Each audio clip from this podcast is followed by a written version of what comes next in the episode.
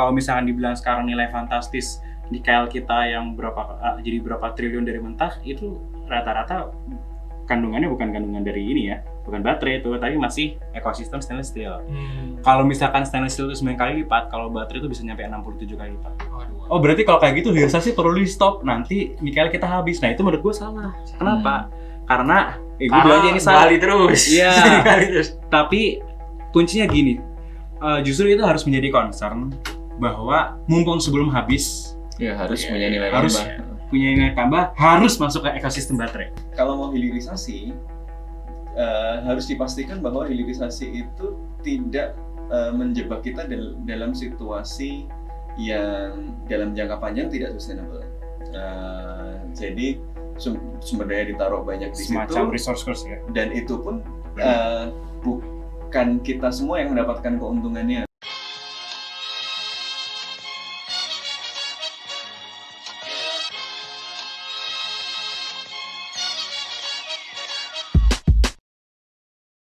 Selamat datang kembali di podcast Bebas Aktif season 3 episode ke-23. Masih bersama gue Ikhlas Tawazun dan di sini kita uh, ber- gue bersama Hanif, uh, Sofwan dan juga kedatangan salah satu teman gue nih yang uh, banyak ngurusin terkait investasi halo uh, dan sempat kerja juga di Kementerian Investasi atau Iya. BKPM.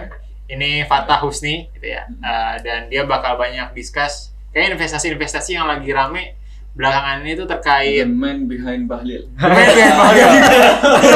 bahaya bahaya Bahaya. bahaya Nih, Nggak boleh ya, nggak Jadi perwakilan resmi dari Bahlil apa gimana? aduh gimana ya gitu Dinda gimana Dinda? aduh. Ini sebagai pribadi. Oh, saya pribadi. Sebagai pribadi yang kebetulan tiap hari lihat data-datanya BKPM. Waduh. bahaya ya Itu warnanya sama Disclaimer, kayak saya eh, kerja di salah satu kementerian di salah satu proyek kementerian ya jadi ya hari ini saya mewakili pribadi Oh, Oke, oke. Diklarifikasi. Iya. Tapi intinya Pak Bos kalau lihat saya ngaco sekarang tolong jangan dipecat oke. Pak Intinya Bahlil tolong apa ya? intinya knowledgeable soal ini. ya. Kondisikanlah kanda. diolah dulu ya Diolah. Ini lagi diolah, lagi booking.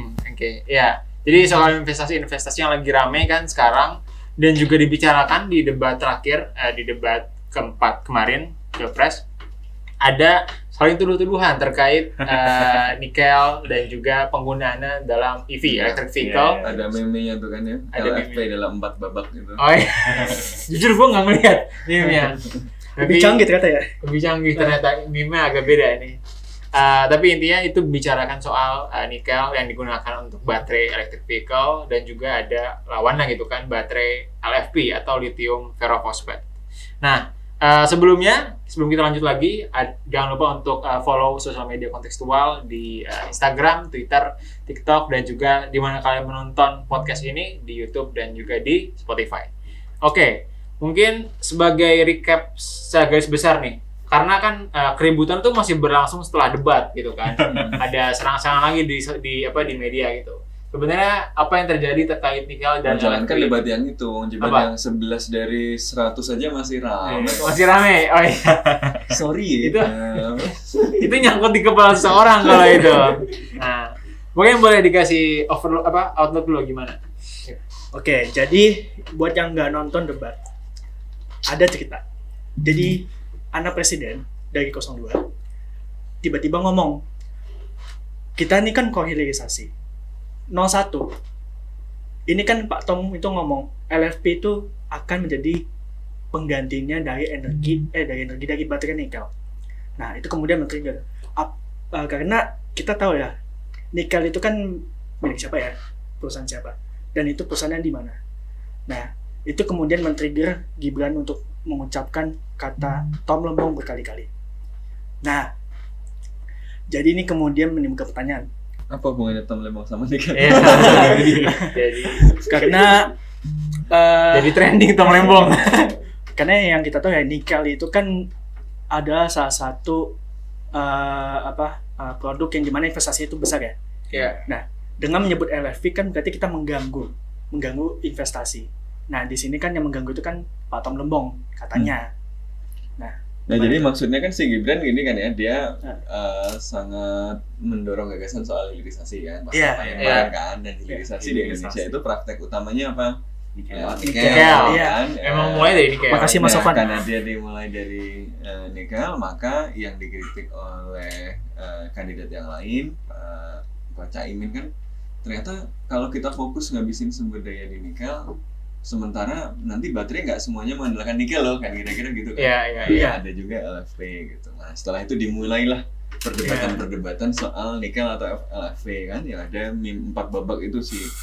Eh, apa yang Ya, jelasin Yang- jelasin coba meme-nya. Saya nggak ngerti. Ya, yang, yang ada potongan berita tapi kayaknya potongan beritanya juga sepotong-sepotong namanya Ah. juga potongan tapi kayak yang foto pertama adalah Gibran mengatakan yang eh, mendukung apa ya yang mendukung LFP antek asing atau apa gitu Waduh. pokoknya Ini kau. Bahaya. tidak membela bahaya kita, loh. eh, an- antek asing tapi eh, itu nah, terus habis itu Tom Lembong bil- eh, ada beritanya Tom Lembong bilang apa habis itu eh, Luhut bilang apa yang menyerang LFP tapi habis itu Luhut babak keempatnya bilang bahwa kita juga akan kembangkan LFP. Iya. Oh, iya. Oh, Gitu. itu. Gitu. Iya. Jadi Nah, jadi screenshot menjelang berita ya. babak tadi, jadi tadinya anti LFP karena LFP dianggap sebagai serangan terhadap hilirisasi nikel. Iya. Benar, benar. Tapi kemudian setelah itu ternyata LFP juga bagian dari hilirisasi itu gitu. Jadi yang benar gimana sih hilirisasi Indonesia itu konsepnya apa Oke. gitu? Apakah nikel? Apakah ngembangin LFP juga? Apa sebenarnya dua-duanya itu nggak perlu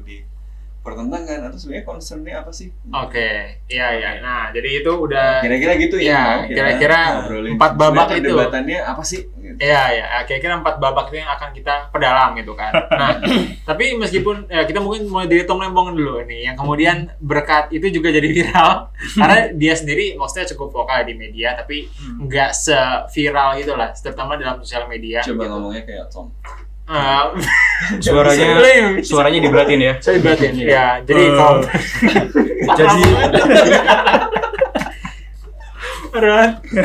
Ah, ya Menurut saya. udah lanjut lanjut. Nikel jangan rar bahasa ini.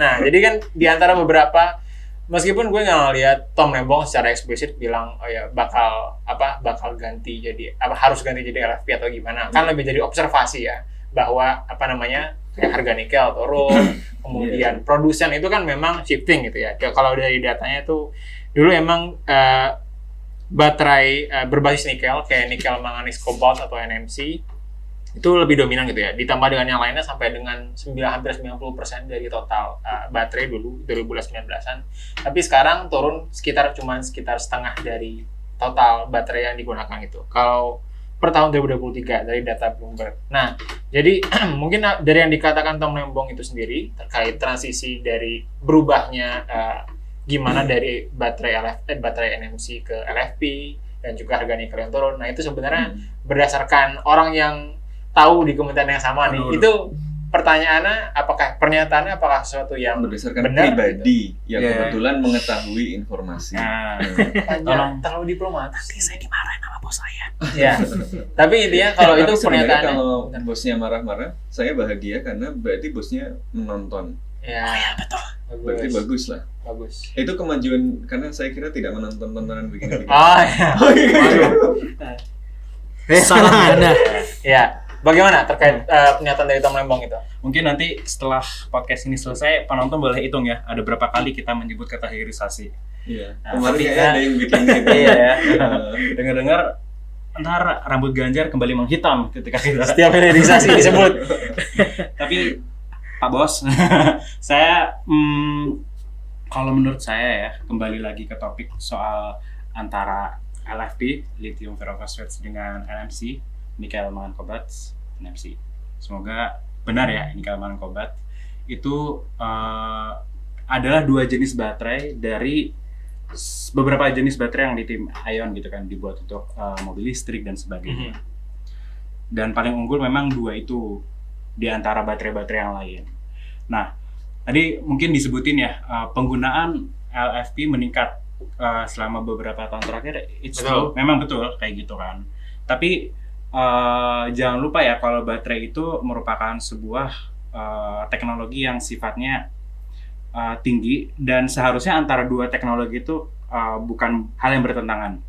Kalau misalkan kita lihat itu uh, berdasarkan data ya mungkin LFP naiknya cepat ya uh, dalam beberapa tahun terakhir tapi jangan lupa bahwa bahkan untuk membuat NMC sendiri itu bukan hal yang gampang gitu dan kalau dalam bahasa ekonomi itu kan berarti ada sang cost Mhm. R&D Iya, capital iya. expenditure itu uh, ke- paling banyak uh, itu yang invest itu LG ya LG dan pabrikan-pabrikan dari Korea Selatan itu mostly NMC sedangkan sedangkan kalau LFP itu kebanyakan pabrikan-pabrikan dari uh, Tiongkok gitu Hmm. jadi pertanyaan bahwa LFP itu akan uh, meningkat dalam beberapa tahun terakhir benar tapi pertanyaan keduanya adalah uh, emang LFP akan menggantikan NFC nah itu kalau pertanyaan itu uh, butuh beberapa asumsi ya. Butuh beberapa uh, indikator untuk menjawab. Oh sorry sorry. Gitu. Karena uh, gue ingat di Twitter ada uh, dokter nggak tahu ya uh, beliau apa? Haryo. tapi nge-tweet kan dia ngebandingin kan antara nikel sama plywood gitu kan Panggil tuh Romo. Iya.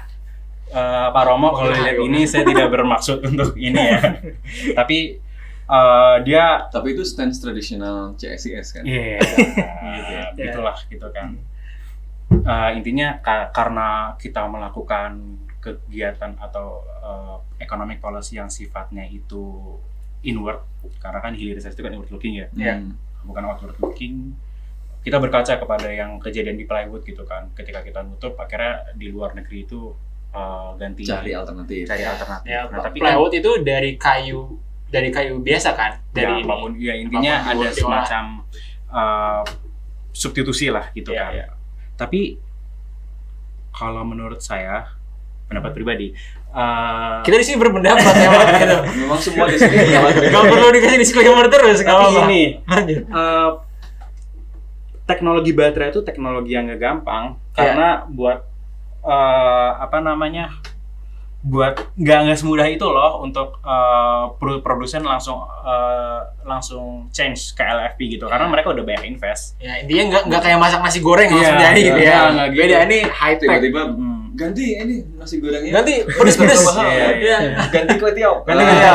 Nggak bisa. Ya gitu. Nggak bisa. apalagi uh, dalam segi oke lah LFP mungkin memiliki daya tahan lebih lama dan sebagainya gitu tapi jangan lupa nikel itu power density-nya lebih tinggi gitu. Iya. jadi Hmm. lebih nyimpan uh, baterai yang lebih baik gitu kan lebih jauh range-nya lebih jauh gitu kan itu jadi salah satu keunggulan juga Itu bahasa Iya, iya. awamnya gimana tuh? Jadi Ya. kayak dengan ukuran yang sama, baterai nikel tuh bisa lebih gede dan lebih jauh lebih banyak kapasitasnya. gitu ya. Dayanya Iya. lebih gede gitu dengan ukuran yang sama. Misalnya, Hmm. kalau senangkap gue kayak gitu. Tapi menurut gue poinnya bukan soal teknis apakah LFP Iya. akan menggantikan nikel atau enggak. Saya kira pesan utama dari kritik ini adalah eh, bahwa asumsi dasar kita melakukan hilirisasi yang berfokus pada nikel, kalau dia tidak dikelola dengan hati-hati, dia akan membuat kita dalam situasi yang tidak ideal. Situasi tidak idealnya apa? kayak gimana tuh Misalnya kalau kita kemudian eh, tadi kita melakukan hilirisasi itu kan pasti ada cost-nya. iya. Eh, sumber daya pasti dialokasikan ke sana. Ketika kita melakukan alokasi sumber daya di sana, eh, kemudian eh, ternyata berada dalam situasi yang semua sumber daya sudah kita arahkan di sana, kemudian punya tadi konsekuensi pada eh, pasar yang di luar kemudian menyesuaikan, ternyata ada alternatif lain.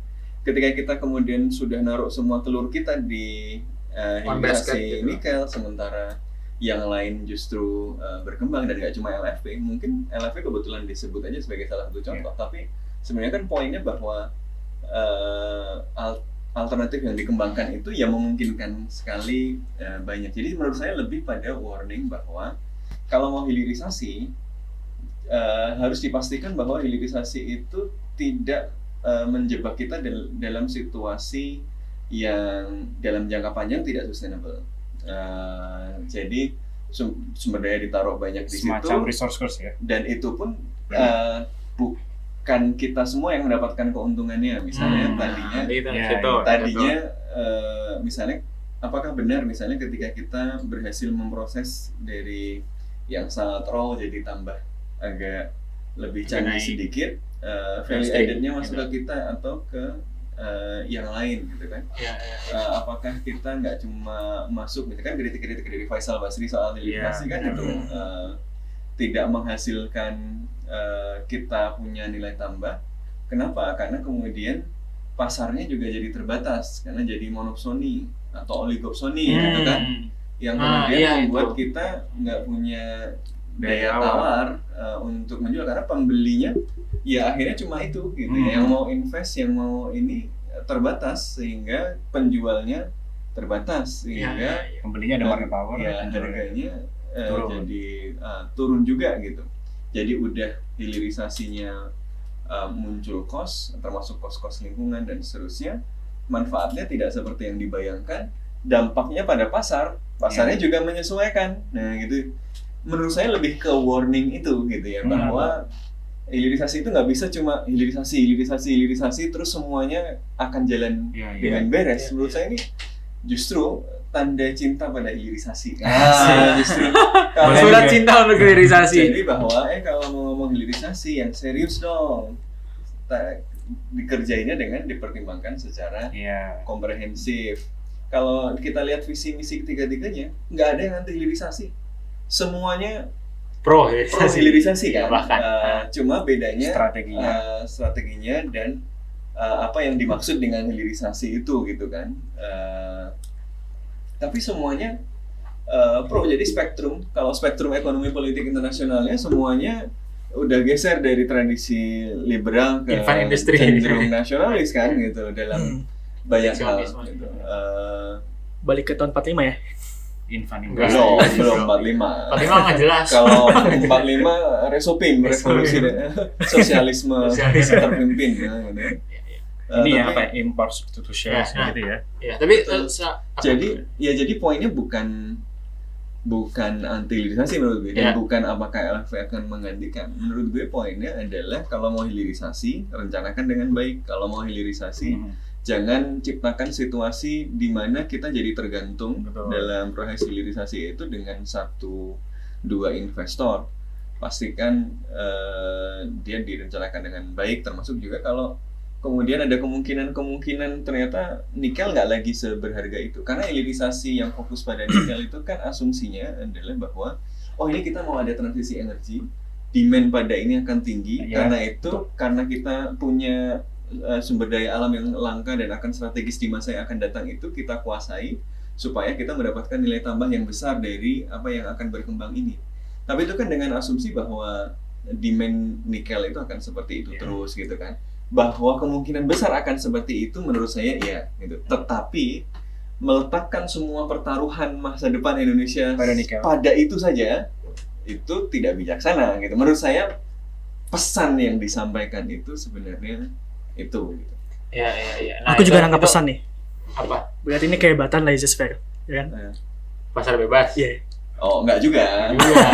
Nah, karena Ya, kan ini. tadi kan kesannya kayak kalah kita sama pasar bebas. Bukan, Hmm, bukan. enggak. Emang ini apa? Ya tadi kan itu surat cinta ya, kalau lebih. di kalau di tradisi nasionalis itu kan eh, infant industry itu bisa sukses bisa gagal. Ya, ini tradisi tradisi nasionalis di dalam HI ya maksudnya. Ah. itu bisa berhasil bisa gagal tergantung pada kapasitas negara. Nah, itu dia. Ya.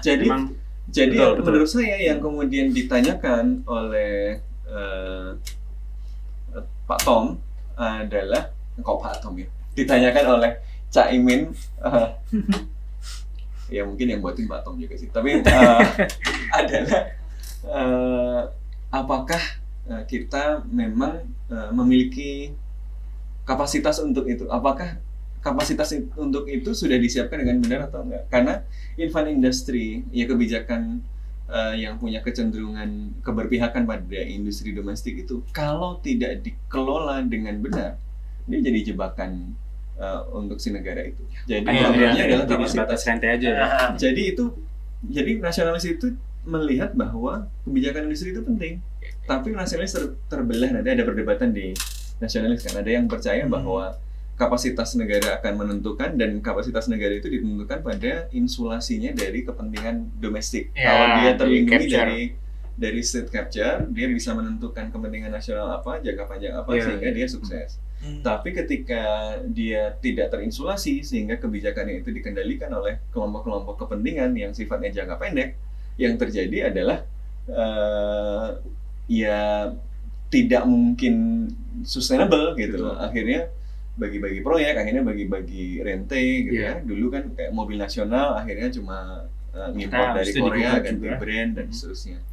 Nah itu yang eh, menurut gue jadi concern. Walaupun ada aliran juga di dalam nasionalisme yang percaya korupsi sebenarnya nggak apa-apa sih Iya. gitu ya. Iya, Jadi iya. ada ada beragam juga Iya. sebenarnya. Tapi Iya. semuanya masih dalam spektrum benar. eh, nasionalis. Ya, sebenarnya. dan mungkin ka- kalau bisa gua rephrase kayak beberapa takeaway-nya gitu kan emang ini beda kalau namanya hilirisasi apalagi di yang eh, sektornya itu berteknologi tinggi. Hmm. Pasar itu justru bukan pasar sempurna gitu loh. Hmm. Bukan. Jadi bukan itu Ya, karena sumber daya terbatas. Karena sumber daya terbatas dan pembelinya juga terbatas gitu kan. Ada Hmm. beberapa negara yang udah lebih mendominasi dan kemudian ini kalau gue juga nangkepnya eh, kayak industrial policy kita juga tergantung sama industrial policy dari negara lain gitu kan. Betul. Karena kalau gue baca tadi berarti pilihan untuk LFP dan NMC itu adalah conscious uh, policy gitu kan dari negara-negaranya gitu atau perusahaan-perusahaan yang di dalamnya gitu. Uh, kayak di Korea dan di Cina juga untuk pursue misalnya uh, untuk LFP atau untuk NMC gitu kan.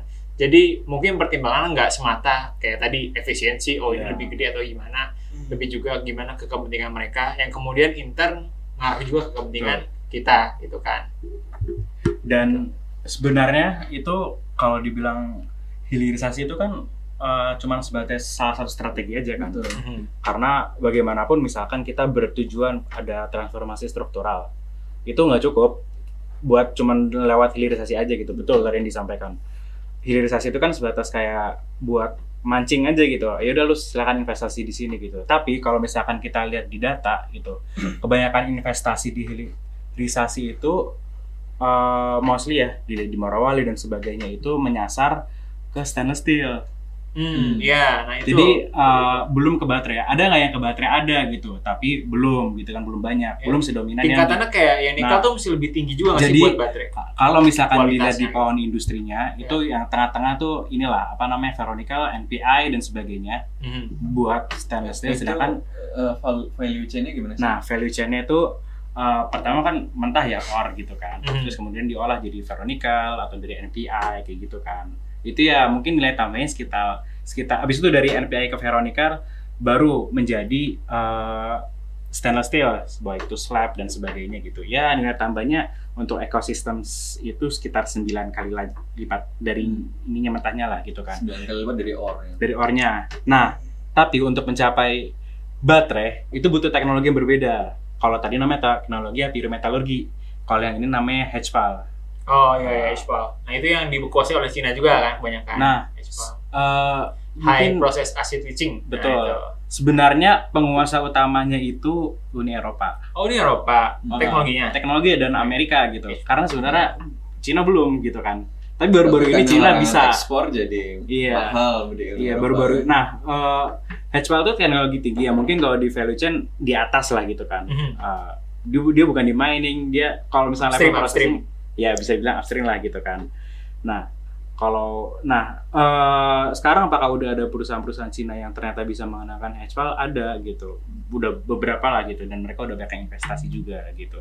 Tapi ya itu kalau misalkan dibilang sekarang nilai fantastis nikel kita yang berapa ah, jadi berapa triliun dari mentah itu rata-rata kandungannya bukan kandungan dari ini ya bukan baterai itu tapi masih ekosistem stainless steel Hmm. kalau misalkan stainless steel itu 9 kali lipat, kalau baterai itu bisa nyampe 67 kali lipat Waduh. Wow. gitu. Makanya nah ini concern keduanya adalah karena hilirisasi itu cuma sebatas stick aja buat buat mancing aja, itu kita nggak bisa bergantung pada hilirisasi doang. Berarti kan butuh instrumen-instrumen kebijakan lain. Mungkin ntar akan dibahas di segmen ketiga aja ya, Ya, instrumen ya, kebijakannya apa.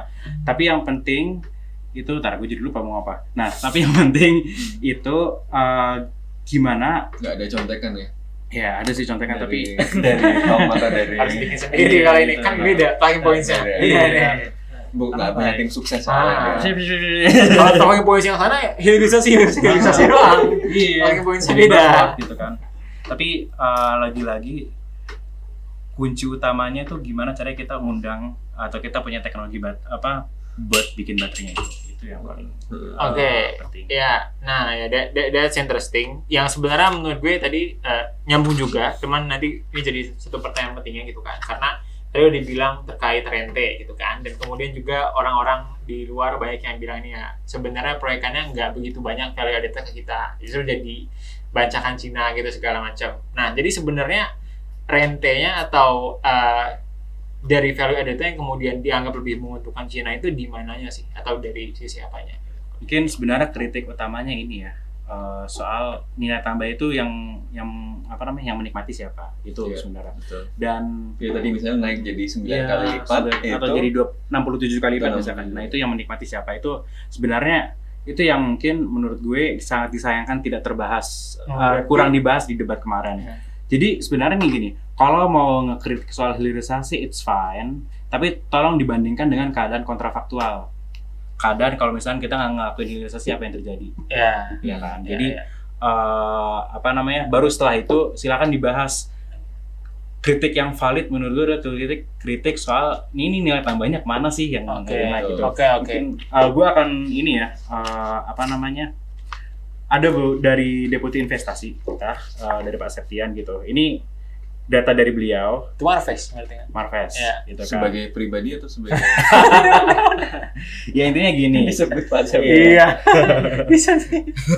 Lanjut. kan nilai tambah tinggi dan sebagainya gitu kan uh, baik kena tax holiday dan sebagainya tapi uh, misalkan 100 nya kita 100% dari uh, 151 triliun kita tuh larinya ke mana aja? Oke lah 40% itu kan dari dari biji nikel ke biji nikel ya kan. Nilai tambahnya itu lari dari mulainya dari biji nikel gitu kan. Kemudian 12% dari laba operasi. Jadi uh, 150% 12% nya akan diserap nih sama perusahaan, perusahaan mereka gitu kan uh, perusahaan-perusahaan Tiongkok, laba operasi dan sebagainya gitu kan. Nah terus uh, apa namanya kemudian di processing misalkan, yang bikin nilai tambah tinggi ya dari kalau dari mentah ke uh, barang yang setengah jadi itu kan melalui proses processing itu 48% dari situ. Nah ini yang diberdebatin gitu kan. Karena yang menikmatinya misalkan di sini kalau berdasarkan data dari beliau 30 persennya dua 32 persen itu dari dalam negeri gitu kan siapa yang dalam negeri ya ini eh, mereka-mereka misalkan yang menjadi input market buat smelter contohnya buat menginput kebutuhan listrik batu bara gitu kan nah, Berarti Oh. value dari dapat Dari- oh, para, jadi- para pemilik tambang batu bara. Iya, gitu kan. Input. Oh iya. iya. kan udah ada ya mungkin di Itu internet bukan dibahas. cuma dalam negeri itu, Iya. dalam istana. Ah. udah bahaya baru kemudian 16 persennya yaitu pemilik smelter orang luar negeri gitu gitu jadi oh ya ya kurang lebih kayak gitu itu yang silahkan didebatin gitu kan Oh, iya, apakah iya. itu fair atau enggak gitu kan ketika itu dinikmati oleh uh, kelompok mereka gitu. Karena bagaimanapun kan ada data juga kan yang bilang kemiskinan di daerah sana meningkat lalalala, kayak gitu. Benar karena uh, apa ya PDB real di sana itu sejak ada hilirisasi meningkat tinggi. Tapi per- tapi uh, tingkat upah yang di antara orang-orang Morowali dan sebagainya tuh kenaikannya tidak secepat kenaikan PDB real gitu. Berarti kan sebenarnya siapa yang menikmati gitu. Iya. Berarti itu Jadi bisa bukan dibilang dari situ gitu. Hmm, Ya. Nah itu silakan didebatin di situ. Ditambah dengan eksternalitas Ya, lingkungan kan. cost dan sebagainya. Tadinya bisa dapat Jadi bisa eh, minum gitu ikan, dari ini. minum dengan gratis jadi Dibayar. Iya. Ya itulah itu yang silakan diperdebatkan. Hmm. Nah, masalah yang kemarin aku ras eh, yang gue rasain itu eh, debat kemarin tuh oke lah kita bicara soal dampak gitu kan. Tapi karena hilirisasi itu menurut gue itu begitu penting gitu, perlu juga dilihat emang solusinya apa gitu. Ya perlu mikir yang forward looking tapi juga. gue agak bahagia nih karena alumni FEB UI eh, tidak semuanya liberal sekarang. Wah, emang enggak. Eh, mengikuti tren dunia mas biasa. Enggak ideologis ideologis sama sebenarnya. Soalnya Gitu. jatuhnya kan bukan ekonom tapi praktisi ini kan investor itu ngurusin Eh, investasi. itu kan kekayaan numpuk ke satu pihak ya. Berarti sebetulnya itu udah tepat dong. Ada pajak orang kaya. Ada apa? Pajak Ada orang pajak kaya. orang kaya. Itu program siapa ya? Ya, itu. Pasal nanti tinggal. Baiknya jangan disebut. Hmm. Nah, tapi oh ya, gue baru ingat yang tadi mau gue sebutin. Kita mungkin bahas dulu ya soal cadangan nikel kita gitu kan. Cadangan Ya. kita nikel kita tuh tinggal 13% lah. Iya, Dan ya, itu dengar tiga, itu juga. 13 persen, eh maaf 13 tahun sisanya. Hmm. Eh, itu benar. berubah-berubah tahunnya. Gua, gua nggak, karena kan bisa Ya, aja ditemukan, iya, juga, iya, ya, ditemukan perkiraan. lagi. Intinya setuju ya kalau misalnya nikel kita menipis Hmm. karena ini hilirisasi. Nah, eh, solusi yang dilempar ke publik itu bilang, oh berarti kalau kayak gitu hilirisasi perlu di stop, nanti nikel kita habis. Nah itu menurut gue salah. Kenapa? Karena, eh, gue bilang aja ini salah. Gali terus. Iya. Terus. Tapi kuncinya gini, eh, justru itu harus menjadi concern bahwa mumpung sebelum habis Ya harus Iya, punya iya, nilai harus. tambah. punya nilai tambah harus masuk ke ekosistem baterai. Ya, Iya, iya, iya. Iya. Jadi harus cepat-cepat. Nah, bicara gimana cara kita masuk ke ekosistem baterai yang mungkin akan dibahas di segmen. Iya. Nah, Sat sat. Nah, ya mungkin mungkin ny- nyam- nyambung ke situ berarti kan nah berarti dengan dengan banyaknya justru nikel yang masuknya ke stainless steel gitu ya ke aluminium dan kemudian nggak ke baterai yang tadi nilai tambahnya jauh lebih banyak nah itu apakah eh what does it say about hilirisasi di Indonesia kemudian apakah Hmm. kita doom untuk nggak pernah bisa ke baterai atau gimana itu Eh, kalau buat gue, buat nyampe ke baterai itu harga mati ya. Karena itu kunci transformasi struktural kita hari ini. Gitu. Hmm. Hmm. Salah satu kunci lah. Apa bottlenecknya? Bottlenecknya banyak Nah. gitu. Di bahkan di kebijakan-kebijakan kita juga banyak yang uh, bottleneck, misalnya soal financing kita, regulasi, ya banyak lah ini gitu. ya ya nah mungkin satu satu ini jadi, jadi tadi kan itu agak teknis Hmm. secara ya, ekonomi ya tapi secara geopolitik dulu nih misalnya kan tadi kalau dari Cina itu sendiri di EV-nya dia dominan pakai LFP, LFP. gitu kan Hmm. dan justru yang ngembangin NMC justru negara-negara lain tuh kayak Korea atau bahkan beberapa negara di Barat juga gitu tapi salah satu concernnya justru gimana kemudian eh, industri nikel processing nikel di Indonesia itu kan didominasi oleh Cina Hmm. gitu kan itu kenapa jadi salah satu alasan misalnya Indonesia nggak bisa dapat eh, subsidi dari US gitu untuk Hmm. di Inflation Reduction Act Ya, dan lain iya, sebagainya gitu kan. Jadi kalau tadi eh, kalau misalnya gue tambahan dari apa ya di mana kita dirugikannya karena jadinya kebanyakan eh, dari hilirisasi nikel ini la- larinya ke stainless steel gitu loh Hmm. dan bukan ke Ya, baterai betul. yang digembar-gemborkan Iya. karena pasar itu nggak ter, nggak kunjung Karena karena termaterialisasi nggak gitu. match, Iya. uh, Karena nggak match, sama nah. ujungnya. Ini Nah. ujungnya Cina itu nggak ke Nah situ. iya, gitu. justru kayaknya gue ngeliatnya Cina sebenarnya hilirisasi justru lebih buat dapet dapetin source buat stainless steel gitu loh, buat buat apa namanya, buat eh, aluminium itu. Karena ya yang ngelakuin yang ngelakuin eh, hilirisasi mereka, mereka pelakunya dan diekspor juga sebagian besar akhirnya ke Cina gitu kan untuk diproses jadi stainless steel. Gak ada apa namanya kaitan deep trade-nya tuh di situ gitu, deep trade Iya, and iya. investment di situ, bukan ke Hmm. negara lain yang justru eh, Ya, mengutilisasi defense nikel. of that kan ya Gitu. kalau kita belum dapat akses ke yang baterai tadi ya yang ini dulu yang ini dulu Nah, gitu kan nah, ya. tapi dengan dominannya China ini menjadi apa disinsentif buat yang lain Hmm. buat kita kita gitu. Karena sekarang kan ya persaingan Betul, geopolitik lagi launching dan juga orang pengen mendominasi di EV juga gitu Iya, kan. Yang iya, sekarang iya. China justru eh, terlihatnya berhasil. Itu yang kemudian jadi orang nggak nggak apa ya. Dan sekarang kayaknya itu udah cukup dikonsider di oleh Indonesia gitu kan oleh BKPM mungkin secara lebih spesifik. Karena diskusi-diskusi di tempat Hmm. lain juga ngeliatnya oh, Indonesia mencoba eh, diversify gitu ya. Tapi udah kalang eh, ter- Terlalu dekat. terlalu dekat dan Terlalu- terlalu padat sama Cina gitu loh kalau Ya. eh, berdasarkan bacaan yang lain gitu jadi kayaknya untuk ke baterai itu eh, sedikit challenge-nya di bukan sedikit sih banyak challenge-nya di situ secara geopolitik ini kan gitu. Ya intinya memang kalau mau lebih baik ya perlu diversify gitu kan. Eh, baik itu ke another countries gitu dan sebagainya. Tapi ya apa ya gue rasa kita udah punya concern soal itu sih. Udah punya concern soal kita perlu diversify dan sebagainya. Tapi ya let's see ya. nah ini, ini, baru talking points BKPM ini let's see let's, Let's see Ya, ya gitu. Oke oke. Oke, eh, tapi kemudian yang menarik juga maksudnya kalau respon terhadap apa ya terhadap eh, satu sisi ini kan kita kayak baru fokus di downstreamnya. Jadi maksudnya ini gue berefleksi dengan melihat di negara-negara lain karena kan responnya banyak yang macam-macam. Memang kan di EV ini banyak nilai tambahnya dan banyak persaingannya. Jadi misalnya kalau buat negara yang lain kayak di US atau beberapa negara di Eropa itu kan mereka memberikan subsidi gitu kan, kemudian apa atau insentif lainnya lah, nggak cuma subsidi doang untuk kemudian menarik industri itu ke mereka gitu kan jadi nggak cuman sekedar kalau di kita kan bukan sekedar juga ya tapi kan kita kan fokusnya ke hilirisasi nikel gitu tapi untuk ekosistem EV keseluruhan itu dulu gitu yang kemudian ada uh, pabriknya juga di sana gitu loh dan uh, di negara di dalam negaranya gitu kan karena kan sekarang trennya lagi narik ke within border lagi gitu atau paling nggak yang dekat nah itu gimana gitu untuk Indonesia sendiri Tapi EV memang di single out di beberapa agenda internasional Indonesia terakhir kan kayak di ASEAN itu iya kemarin biasanya juga salah satu uh, uh, poin yang didorong kan Indonesia mendorong ekosistem EV di kawasan gitu kan. ya, ya. Bahkan ada yang baru masuk terus buka showroom.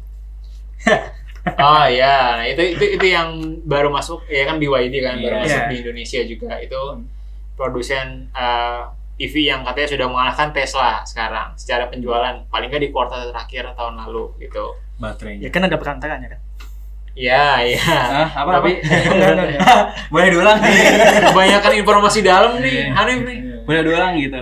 Ya, Ya intinya eh, kalau misalkan dilihat ya kebijakan apa aja sih yang memang udah dilakukan pemerintah to nurture ya buat men- eh, sektor EV itu kan terakhir kan ada permen eh, penghapusan tax apa ya gue lupa ya soal berkaitan sama holiday. tax, tax holiday udah ada TKDN yang mau penundaan TKDN hingga 2026 Iya. dan sebagainya itu tuh buat Oh, ada buat, buat penundaan ada penundaan karena Jadi, buat narik iya. establish juga. Nah, jadi impornya juga kan bisa komplit Nah, mereka tempatnya. boleh uh, langsung CU. impor ya mungkin kira kesannya nggak kok uh, apa ya mereka jadi bebas impor dan sebagainya buat CDU ya completely up ya.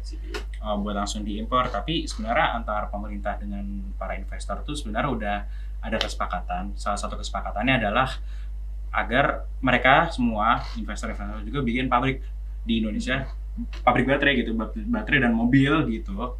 Mereka kan posisinya kan kalau ini kan misalkan mining nih Uh, terus midstream berarti stainless steel dan sebagainya baru baterai dan mobil yang yang pakai baterai itu. ya uh, perusahaan ini kan rata-rata ada di posisi ini ya posisi yang menengah atas tengah atas gitu kan Uh, memang gue kurang tahu negosiasi intinya apa tapi mereka produsen baterai mau biar produsen mobil maaf mau biar mereka ada kebebasan dulu untuk mengimpor Iya, langsung iya, dari benar. kemudian bat apa namanya sampai ya di situ mobilnya dijual dan sebagainya kayak gitu Eh, mereka Nanti Mungkin- kalau udah ada pasarnya, ya udah Iya, ada pasarnya. establish, Nah. mereka kemudian baru bikin pabrik. betul Itu tapi ada perjanjian iya. juga gitu kayak misalkan sampai berapa ribu dan sebagainya ibaratnya itu untuk baru tes tes Soalnya pasar kalau langsung bikin pabrik, biayanya mahal. Ah. Nanti ternyata nggak laku, iya pabrik. bagaimanapun mereka masih mikir soal masih apa ya ya ini problem transformasi struktural kita juga sih bahwa insentif orang untuk berinvest insentif investor untuk berinvestasi di Indonesia tuh masih sebatas-batas either kalau misalkan soal uh, SDA kita uh, atau enggak soal market kita Ya, Iya. sedangkan di negara-negara lain Ah. udah mikirnya kayak Tadi "Enggak, kita gua mau sudah invest." ngomong liberal dan Iya. nasionalis, kalau ini strukturalis. Strukturalis, Nah, mantap. Data. menyediakan Iya. eh, sumber daya alam eh, dan Iya. jadi pasar. Padahal kan kalau di negara lain misalkan eh, Malaysia, Malaysia itu kan Malaysia punya silika nggak yang jadi SDA buat eh, semikonduktor enggak gitu, tapi orang-orang tetap eh, perusahaan-perusahaan banyak yang establish foundry dan sebagainya di Malaysia karena ekosistemnya udah Iya, ya. terbentuk. Wah gila Malaysia, keren dah gitu kan. Eh, ekosistemnya udah terbentuk, SD SDM-nya udah terampil misalkan gitu kan, ya gitulah. Jadi eh, pelengkap lah mereka kalau misalkan Indonesia mau ke arah situ ya silakan lihat ke Malaysia, silakan lihat ke ekosistem Vietnam, ekosistem negara. Vietnam ya. Vietnam. Nah Vietnam kalau bicara soal Vietnam mereka lebih lebih satu tas tas gitu lah. gitu. banyak bener Tapi saset Kalau nggak salah kan Vietnam itu kan nama mobilnya Finfast. Oh iya, Finfast, Finfast. Nah, jadi bicara soal Finvest ada yang keren. Jadi kalau misal eh, kalau misalkan kita lihat Finvest itu eh, mereka kan perusahaan yang ibaratnya dibu- dibuat oleh siapa ya? Konglomerat Vietnam juga kan. Hmm. Raja Mi kalau saya ibaratnya lu bayangin deh Indofood bikin mobil gitu kan. Hmm. Iya. Nah, tapi eh, dalamnya Sebenarnya udah ada ya Indomobil. udah tapi kan cuman ini doang ya, cuman impor-impor doang kan, Hmm. show dan sebagainya gitu kan. Iya, iya. Tapi dalamnya Finfast, Finfast bikin mobil berhasil gitu kan. Tapi dalamnya Finfast tuh engineer-nya dan sebagainya itu mereka kebanyakan uh, akuisisi talenta, curi Oh, talent. Iya, iya. eh gue baru baca. Dari Gua, US, dari mana, Buat- dari mana gitu. sebagai apa spesialis politik ekonomi gue baru baca Hajun Chang. Tapi kan mirip kayak gitu. Maksudnya Iya. nyuri apa namanya? Jadi kan eh, ada bacaan wajib baca. Iya. Lu nggak baca ya? Lama banget nih. Ulang Enggak, udah udah dapat ini ini ya, tapi belum yang Oh, detail-detail. gua, gua inget dia Kalau dia Sabon Hajun Chang lah. dia tuh eh, ini pas eh pas lagi cerita Hajuncang yang buku soal The ASEAN ini eh eh lah kayaknya gue di Wikipedia udah cukup deh Dulu ya. iya lo kan chat gitu kayak gitu di WA Dulu kan mahasiswa itu overburden, Mas. Oh, Gitu. Iya, iya. Masa 144 SKS kita? Nggak tahu. Nah, iya iya nih ada iya iya. Nah, ya anyway, tapi ya tadi berkaitan berkaitan sama itu sebenarnya kalau menurut itu berkaitan lagi ya sedikit sama rente terus kemudian eh sama rente sama state capture dan kemudian juga gimana hilirisasi yang kemudian lebih komprehensif gitu kan. Nah, Iya, jadi Karena sebenarnya- nggak bisa berdiri, dia harus dilihat dalam gambar yang lebih Iya, Iya, besar. benar. Nah, tapi kalau di komunitas bisnis gimana kemudian TKDN itu bisa digeser itu lumayan big news karena kan biasanya pemerintah lumayan keras nih kan. iya iya Nah, berarti kalau bacaan kita berarti ada ada orang-orang yang mempengaruhi gitu lah yang sampai bisa ini ekonomi membuat- politik lagi Iya. ya karena eh, sifat alamiah dari pelaku eh, industri domestik ya mau proteksi kan dan Nah. salah satu bentuknya adalah ya nah ini justru dia TKDN. mendelay proteksi gitu kan dalam Iya. bentuk TKDN dan larangan impor segala macam itu. Nah, eh, yang kemudian jadi pertanyaan adalah kalau misalnya menurut gue kalau misalnya ya dari produsen-produsen itu udah masuk, yang mana banyak masuknya itu dari Cina juga kan? Apakah itu kemudian bakal eh, kemudian secara hilirisasi itu nyambung gitu, secara value chain-nya? Karena kan kita udah ngomong gitu, kalau dari baterai eh, yang di Cina itu kan pakainya LFP gitu, pakainya ya lithium terutama gitu Iya. kan. Tapi kita di sini kemudian yang udah jalan hilirisasinya nikel. Nah, itu gimana mau ketemunya gitu loh. Gue nah dari sesimpel itu aja gue Yes. gue gue udah nggak ngerti itu. bagus banget Nah, gimana ini bisa ketemu value kemudian kan? yang Value mau dicari ke sana tapi kita ke sini, gitu. ke sini, Ah, ah, gitu loh. Dan kemudian akhirnya Luhut ngomong kita juga mau ngembangin LFP gitu kan. Nah, Iya. agak mungkin gue nggak tahu apakah udah ada diskusi semacam ini juga di Marves ya. Tapi eh, itu di obvious question lah gitu. ini eh, dilihatnya kalau kita eh, gue ngelihatnya sebagai Kayak- pribadi atau sebagai Udah, Enggak, lanjut. Lanjut eh, Mancing mania. gue jadi lupa mau apa. Tapi gini antara idenya gini eh, antara dua itu itu komplement each other lah gitu kan. Kayak kita oke lah kita eh, per paradigmanya jangan dilihat ke sumber daya lagi tapi kedua hal kita ngeliat ke produk akhir sama tingkat kompleksitasnya yang which mean kalau tingkat kompleksitas kita ngeliat lagi ke eh, tingkat seberapa besar sih supply chain-nya atau pengetahuan yang dimiliki oleh orang-orang Indonesia untuk menciptakan produk akhirnya itu. Nah, menurut gue antara dua produk Iya, itu iya, jangan benar-benar. dilihat eh, sebagai substitusi gitu kan. Mungkin kita bisa mulai dulu eh, dari NMC gitu kan. Eh, kemudian reinvest lagi, reinvest lagi R&D continuously gitu kan sampai kita bisa bikin LFP. Perkara nanti akhirnya kita malah impor fosfat dan sebagainya itu eh, nggak masalah. Tapi kan yang penting kan kita orang Indonesia udah bisa, udah punya pengetahuan, udah punya, udah tahu cara bikin baterai gimana gitu. Nah, oh iya jangan lupa kenapa Cina pakai fosfat karena 9 karena 70 persen, 60 persen eh, cadangan mereka tuh lebih baik so- fosfat daripada nikel. Iya. Hmm. Jadi Iya, iya, ada iya. sambungan kan antara Iya. Sambungan. Dan makanya Justru- yang ada di hulunya Hmm. mau Iya. dihilirkan itu kan berarti kan contoh yes. contoh hilirisasi itu kayak gitu Iya, hilirisasi Cina yang udah jalan. Nah, terus Iya, dia jadi iya. ekspor keluar justru malah Ah. hilirisasinya buat betul, dilakukan betul. di sini. Tapi ya itu balik lagi lihat ke ininya apa namanya kebutuhan R- buat untuk bukan kebutuhan ya keharusan kita untuk R&D continuously gitu. Iya. Dan oke lah kita sekarang eh, mungkin gue mau ngambil contoh ke TSMC Iya, kepada TSMC. Taiwan. Wah, Nah, tak itu- kirain TSM terstruktur sistem Kembali ke Transmart. 2019. Mancing, Ngomongin mancing. TSMC kan pas awal-awal mereka nggak tahu ya akan bikin chip yang eh, seperti apa karena perkembangan chip itu Betul. mengikuti Moore laws, Betul. kan? Iya, Moore law. Ah, makin kecil makin kecil. Dan dulu tahun 80 mereka masih aduh gue baru bisa bikin segini doang gitu. Tapi kan Ini segede ini cuma 64 MB. iya baru kecil. Tapi kan sekarang kan makin kecil makin gitu kan. Iya, iya. ya tapi yang terus dilakukan oleh Taiwan R&D gitu jadi kuncinya memang di R&D di kompleksitinya dan sebagainya gitu. ya yang Iya. penting nggak ada transfer eh, Transfer teknologi, eh, transfer know-how, skill betul nya dapat dan dari situ bisa dikonversi ke Betul. yang lain. Kalau itu terjadi. kalau itu terjadi Nah. nah eh, sebenarnya ya kasarnya ya kasarnya ya menurut gue itu kalau lo mau hilirisasi sukses lupain kalau kita punya sumber daya alam Iya. belajar dari Nokia Nokia Iya, tuh Iya, iya. Dulu produsen apa sih dia emang dulu dia dia produsen HP enggak dia produsen kayu gitu tapi dia tuh eh, juga. emang BYD bikin apaan Dulunya bikin apa?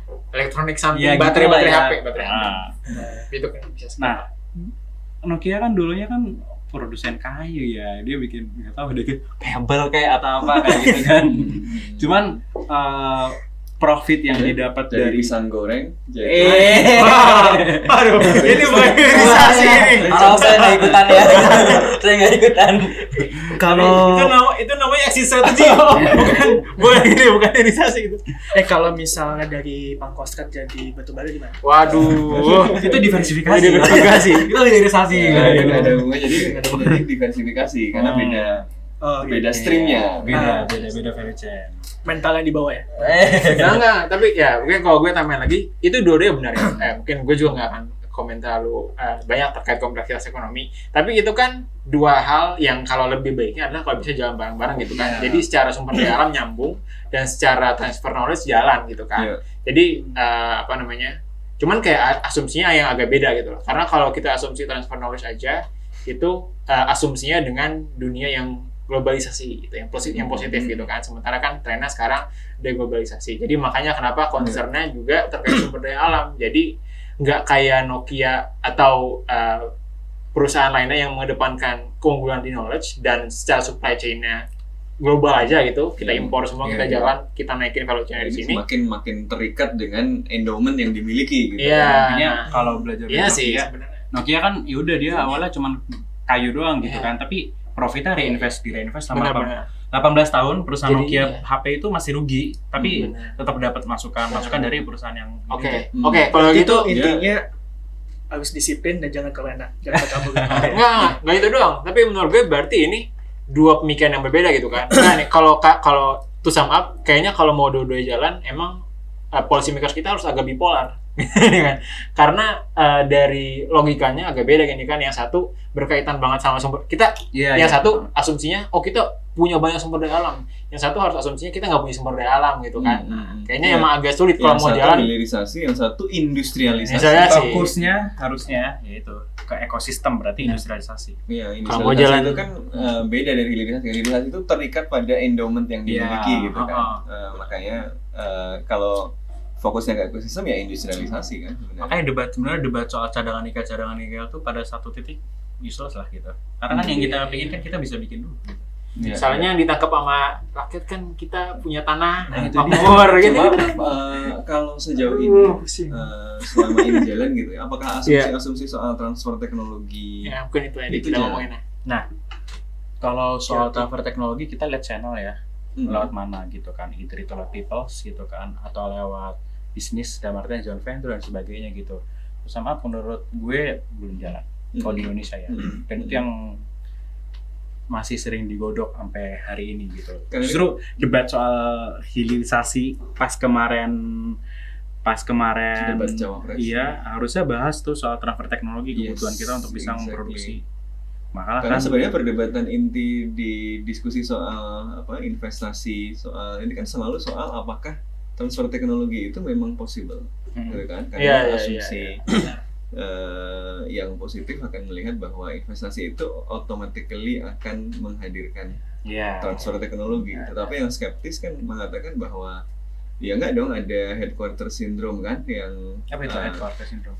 ya, tahu. ya teknologi-teknologi utama, know-how dan macam-macam itu kan kompetitif eh, edge-nya apa yang di markas-markas ya kan pusat-pusat Hmm. pengembangan ya nggak mungkin akan Dikasih. dibagikan gitu yang akan dibagikan pasti hal-hal yang sudah nggak terlalu penting lagi Oke. gitu sehingga nggak akan terjadi transfer teknologi yang signifikan Iya, gitu. iya. jadi by default transfer teknologi menurut yang skeptis is a myth dia harus di force Iya, dia harus iya, iya. didapatkan dengan paksa seperti yang Dari dulu dilakukan kan gitu. Cina harus gitu. bahasanya lewat step bukan lewat Eh, Exactly. ya, Swasta. dulu negara barat kan juga kayak gitu waktu awal-awal industrialisasi banget. Kata hajunya. gitu. Kayaknya lagi seneng banget baca aja. Lagi kayak baca. Jepang kayak gitu juga kan ke Jerman. Iya. Ya, Iya, iya. Oke, jadi jadi kayak hilirisasi state capture ya. iya memang apa ujung-ujungnya soal industrial policy gitu. Ya, berarti penentunya kan tadi kapasitas negara. Nah, kita nih oke lah kita sukses gitu kan untuk mencapai ekosistem aluminium. Tapi untuk sukses untuk mencapai ekosistem baterai, you need new strategy. Iya, and it's iya. Karena technology. power yang paling besar itu milik negara. Oh, iya. Tapi ya, Gua gua kira jawabannya milik Allah Subhanahu wa taala. ya maksudnya Cuma kita, tanah.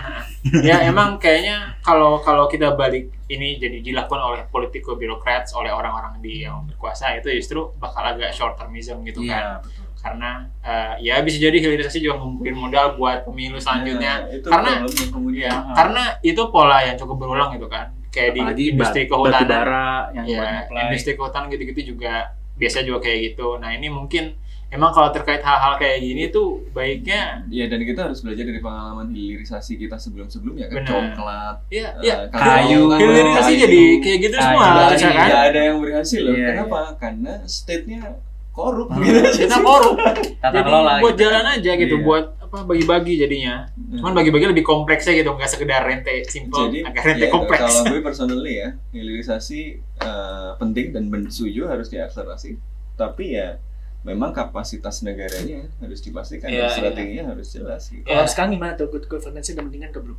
Nah itu sebenarnya bukan good governance per se sih tapi maksudnya Iya. strategi gitu kan ya menurut gue sih simpelnya harusnya soal-soal kayak gini bukan jadi apa urusan Menko apa gimana gimana tapi ya orang yang bener-bener teknokrat gitu kan alias nggak punya hasil interest juga Ya. gitu punya di bisnis nikel Hmm. juga terus ya, punya ini segala akan lebih macam. aman kalau dia nggak terlibat juga di situ. Iya, kan. karena ya nggak ada nggak ada conflict of interest, nggak ada short termism gitu kan, karena dia nggak benefit Bahaya. langsung juga gitu loh. Yang perlu dipikir mungkin gimana caranya biar lokal elites bahasa halusnya ya bahasa kasar sih oligarki Oh. gitu.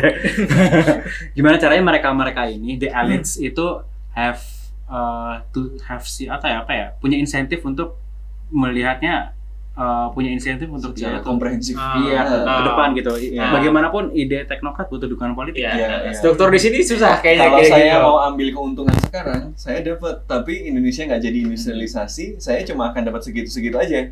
Tapi kalau saya dukung industrialisasi dengan tidak mengganggu dengan state capture, nanti Duit dia saya. bertambah 97 sekian, saya akan Ikut di bisa situ. ikut di situ Iya, gitu ikut di loh. situ. Jadi jangan curang sekarang. Iya. Iya. Ya harusnya ya, nanti aja. South Korea kayak gitu kan. Iya, iya, iya, iya. Curangnya nanti aja Curangnya kalau aja, jadi gitu kan. yang gede Nah, gitu iya, loh. maksudnya struktur dan siklus politik kita yang kemudian demokrasi lima tahunan ini kan yang agak kemudian membuat hal pelik gitu. Mungkin sederhananya kalau menurut gue eh, proses eh kebijakan hilirisasi ini yang nggak harus digembar-gemburkan ke publik banget bilang kayak oh ya ini jadi Dan jadi, buzzword cara lah, gitu kan. untuk Indonesia bisa maju untuk bisa jadi high income country. Enggak enggak segitunya gitu. anti harusnya asing anti ya itu harusnya emang jadi ranah lebih kebijakan di dalam kantor-kantor kementerian aja gitu loh nggak di dalam debat eh, capres sampai ada Ya nggak apa-apa dong harus didebat. Nah, enggak, tapi jangan sampai kemudian Justru ini supaya nggak terjadi state capture dia harus diperdebatkan kan masalahnya di mana progresnya Ah. seperti apa menurut gue sih nggak langsung relate ya, tapi apa namanya? Enggak, jadinya nih jadi isu yang uh, bukan populistik ya, tapi di nggak portray accurate Ya, accurate ya, ya. accurately gitu loh. gue gue eh, ngerti poinnya bahwa ini kemudian jadi slogan Iya. Eh, bukan jadi ke apa ya jadi diulang-ulang sampai orang sebenarnya nggak tahu maksudnya apa sih gitu Heeh. Jadi kan itu emang Indonesia kayak gitu. Iya. Eh, ini, Iya, eh, tapi ini udah mendingan sekarang hilirisasi dulu kan sempat metaverse Ah, Oh iya. jadi kita tunggu aja nanti hilirisasi sampai tahun depan atau eh, Udah. nanti udah ganti lagi Kedengeran lagi. Aduh. dulu kan sempet apa ya poros maritim terus Ah. metaverse Eh, dulu apa ya empat 4.0. Apa sih? Oh, kira empat cari lima Industri sempurna. apa? Iya. Industrialisasi 4.0 ya. Iya, jadi Nah, Nah ini agak out of topic. Tadi kan sempat nyinggung ya, itu kan lima tahun sekali. Berarti sebetulnya ini dipengaruhi juga dengan biaya politik yang mahal dong. Iya, iya pasti ya. exactly Iya, jadi Iya juga kenapa industrialisasinya nggak jalan tadi karena step cap step capture kan kenapa jadi alokasi sumber dayanya nggak bisa eh, jangka panjang tadi kan karena ada yang kemudian ingin mendapatkan spoil atau manfaat dari proses yang sedang dilakukan gitu loh. Iya. Alih-alih kepentingan jangka Iya, panjangnya. benar. Yang Iya, penting saya dapat proyeknya Spo- dulu. spoil dapat cepet biar bisa diputar lagi buat Biar pemilu biar diputar menang lagi. ya Jadi Harusnya diputar lagi gitu. buat investasi R&D gitu. beda Betul. istilahnya Berarti semuanya di state nih Mending buat influencer. Wah. Eh, gitu kan. berarti pemerintah tolong itu apa dana partai politik ditambahkan kali ya. Yang Oh, nggak kepikiran iya, banget. iya, iya. Jadi itu disebut. satu solusi yang akhirnya Catat ya. tapi bukan satu-satunya yang pasti ya oke kayaknya uh, udah cukup banyak yang kita Iya. bahas kayak Iya, hilirisasi iya. Menarik memang. Bisa Menarik. jadi disertasi. Iya, ini banyak, banyak loh yang kita omongin ini ya. Oh, Karena cukup brainy. Saya Eh. nggak tahu kenapa ketawa. lucu, lucu. Nah kan di sini udah disertasi emas kan. Iya, iya benar. Oke, Iya, iya. kalau gitu uh, mungkin bisa kita cukupkan. Kita udah cukup banyak bahas soal hilirisasi, nikel dan juga lithium gitu kan. Bahwa kemudian ya soal kebijakan itu nggak sesederhana itu. Iya. Banyak banget yang harus kita lakukan tadi baik dari sisi politik, dari sisi industrial policy-nya dan lain sebagainya. nyambung satu sama lain Nyambung Ya, satu sama lain. domestik sampai ke uh, geopolitik, geopolitik, dan uh, ekonomi chain, ekonomi segala macam gitu. Ya, yang pasti jangan sampai kemudian ya itu juga nggak cuma sederhana slogan aja Hmm. jadi sosialisasi, tapi itu sesuatu yang kemudian benar-benar terutama dipikirkan oleh uh, teknokrat-teknokrat masa depan. Ya. Dan Mungkin nggak cuma teknokrat menurut gue hal semacam ini tuh jangan diserahkan cuma pada Iya sih. teknokrat ini adalah masalah kita semua Iya, Masalah cuman publik ke bawahnya agak susah. Tapi iya benar, in Iya. principle ya. Berarti artinya kita butuh influencer kan? ya Pokoknya- untuk mendorong agenda nasional kan bukan Oh. untuk mendorong Tapi kalau gitu harus di itu Ag- agenda nasional siapa yang mendefinisikan? Nah, itu Bukan Oke. dong, apa? Eh, teknokrat berapa persen, politiknya berapa persen. Nggak, nggak, nggak gitu, nggak gitu. Ini bukan, Ya kan bukan karena ujung-ujungnya political will kan? Ya, tapi bukan persen-persenan. Iya. Kita kita kita tradisi kualitatif definisinya. Oke, kalau gitu teman-teman conference sekali lagi thank you udah tune in di episode ke-23 ini. Iya, iya. Uh, sampai jumpa and see you on the next one. Ciao. Bye. Nah, perhatikan jaringnya Oh, Weh, begini.